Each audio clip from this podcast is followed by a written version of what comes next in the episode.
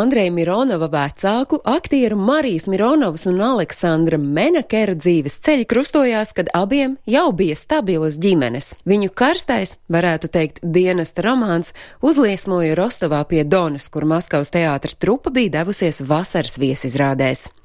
Censdamies atstāt labu iespaidu uz asprātīgo blondīni ar gaiši zilajām acīm, Aleksandrs pie labākā skrodera pasūtīja vīstošas rozes krāsas, vismodernāko uzvalku, veikalā nopirka dažādas sieras šķirnes, ananāsus, vīnu un iepakojis to visu grozā ieradās Rostovā, lai iekarotu savas simpātijas sirdi. Ieraudzījusi viesnīcas numurā saliktos kārumus, Mironovas draudzene teikusi, Tu sveikā cauri netiksi. Un tā arī noticis. Pēc viesizrāža romāna rudenī Marija paziņoja vīram, ka viņiem jāšķiras, un viņa arī Aleksandram pieprasīja, lai tas savai sievai paziņo par šķiršanos. Abi mīlnieki apprecējās septembra beigās. Pēc pusgada, 8. marta izrādes priekšvakarā aiz kulisēm 30 gadu vecajai Marijai sākās dzemdību sāpes.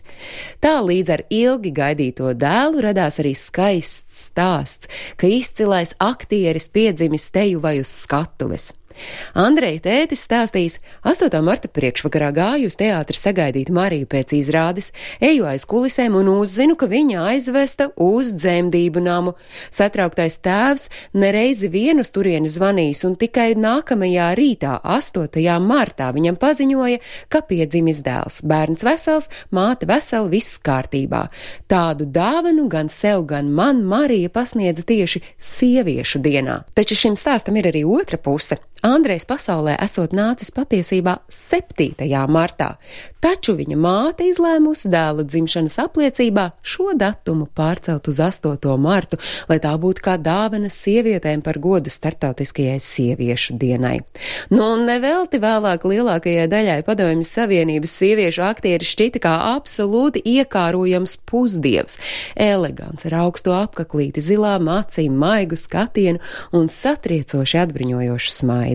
Pirmais Andreja izgājiens uz skatuves esot noticis piecu gadu vecumā, kad mamma uzstājusies. Skatītāji pēkšņi sākuši smieties, Andreja Mironova mamma vēl nav sapratusi, kas par lietu līdz atskatījusies un uz skatuves ieraudzījusi savu dēlu. Viņš esot bijis pārāk aizrāvies, izgājis no aizkulisēm un stāvējis rokas aizlicis aiz muguras un smējies. Pirmie īstie centieni kļūt par aktieri esot izgāzušies.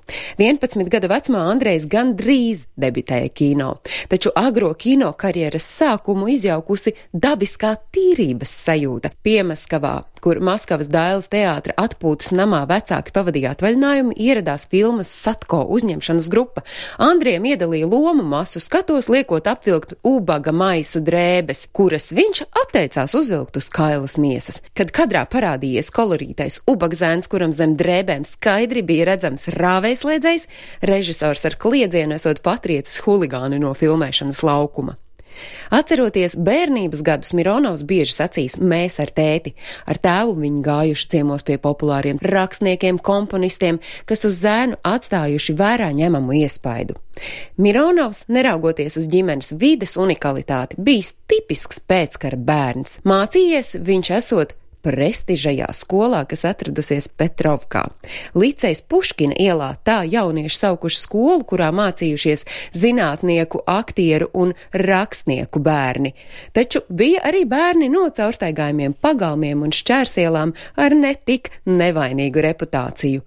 Mironovs esot bijis klases neformālais līderis. Bērnībā, starp citu, Andrejs bijis futbola fans un savulaik cieši nolēms kļūt par vārdsargu. Vēl viņam ļoti labi padavušās svešvalodas. Vecāki cerēja, ka viņš turpinās apgūt valodas, taču viņš gāja vecāku pēdās. Ar Mironovu atveidotajām lomām ir izaugusi vesela paudze, kurai viņš ir neatņemams ģēnijs un iedvesmotājs. Republikas īpašums, veči laupītāji, briljanti roka, neticamie itāliešu piedzīvojumi Krievijā, 12 krēsli. Leģendārais mākslinieks negaidīti saļīmis viesizrādes laikā uz operas skatuves Rīgā, atveidojot Figaro izrādē, un pēc tam mira Gaļas slimnīcā. Apglabāts gan viņš ir Maskavā. Ar šodienas jubilāru bērnības gaitām iepazīstināja Agnese Drunka.